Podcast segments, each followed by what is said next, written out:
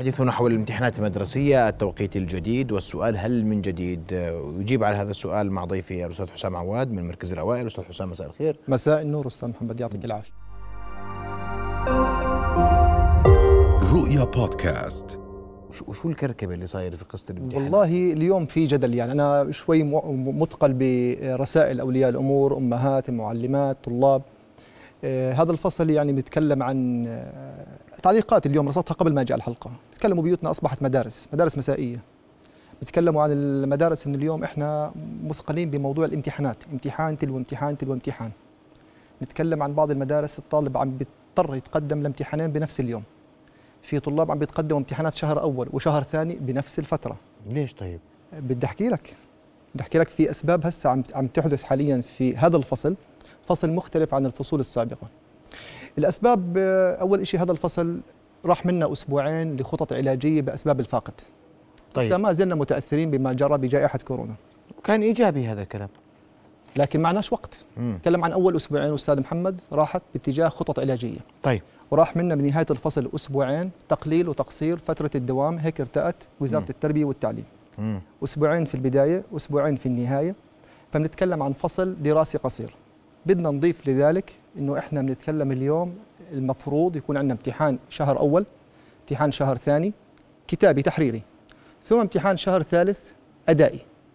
الوزارة قررت في هذا الفصل يكون الشهر الأول تحريري وأدائي والشهر الثاني تحريري وأدائي والشهر الثالث كمان تحريري وأدائي. بمعنى انه الطالب ما استطاع حتى إنه يلقط أنفاسه أو المعلم يستطيع إنه يجد فراغ أو وقت. فأصبحت امتحانات الشهر الأول. ما إن تنتهي تبدأ امتحانات الشهر الثاني. ما إن تنتهي تبدأ امتحانات الشهر الثالث. أضف لذلك إحنا بنتكلم اليوم في مناهج جديدة. ذات زخم جديد.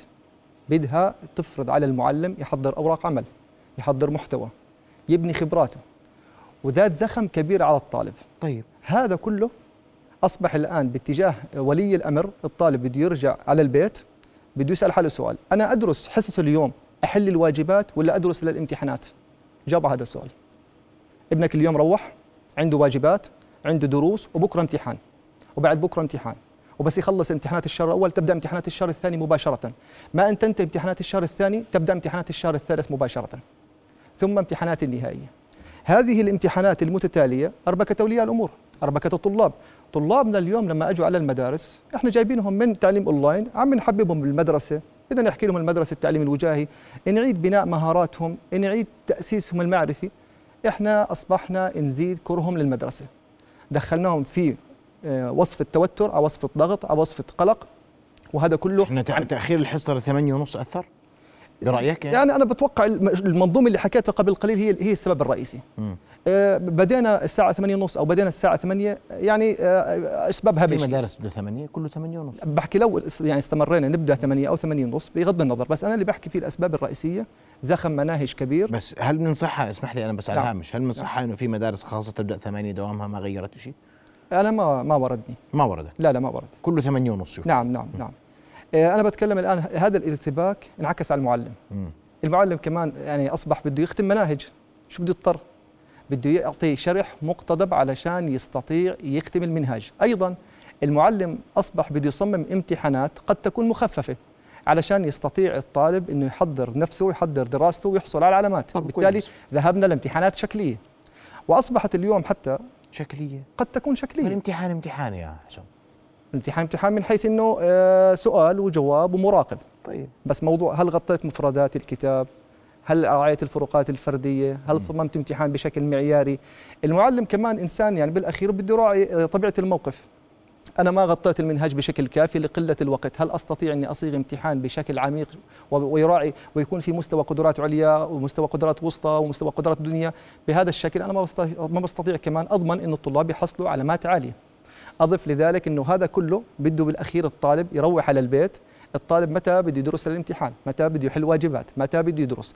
طب إحنا بتعرف أستاذ محمد في الصفوف الأساسية كمان الدنيا الأمهات بتلعب دور كبير في هذا الجانب.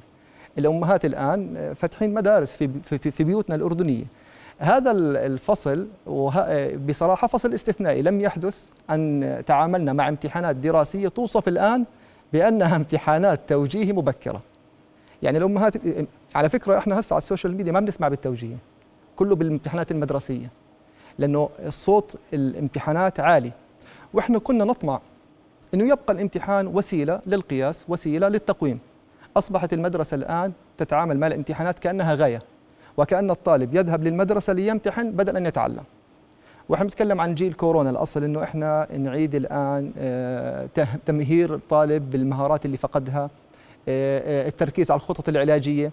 للأسف أتتنا مناهج ذات زخم كبير كبير. أتوقع لو هاي المناهج كانت في فترة مريحة نسبيا بعيدا عن جائحة كورونا كان ممكن تكون مناسبة. أما في هذا الوقت بتوقع إنه إحنا عندنا تحدي كبير. أستاذ محمد أعطيك أنا بس تواريخ.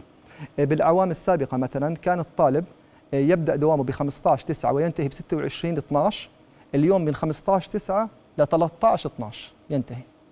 الامتحانات كانت ليش تبدأ 13 12 حكيت لك في بداية الفصل راح أسبوعين خطط علاجية والوزارة قصرت من الفصل أسبوعين.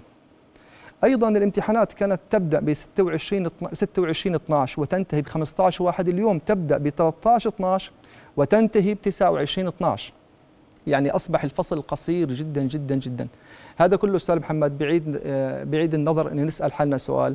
لماذا نذهب للمدرسة؟ ماذا نتعلم؟ كيف نتعلم؟ نعيد النظر بفلسفة الفصل التعليم الأول قصير الفصل الثاني طويل. الفصل الثاني لسه في شهر رمضان داخل على الموضوع. فإنت طيب. بدك كمان تراعي هذا هذا الجانب.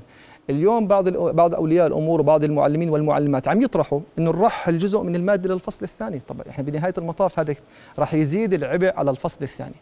إيه، السؤال الآن لما إحنا قصرنا الفصل الثاني لما إحنا قررنا إنه يكون في أسبوعين خطط علاجية وقررنا نعطي مناهج جديدة وقررنا نحول امتحان الشهر الثالث لأداء تحريري.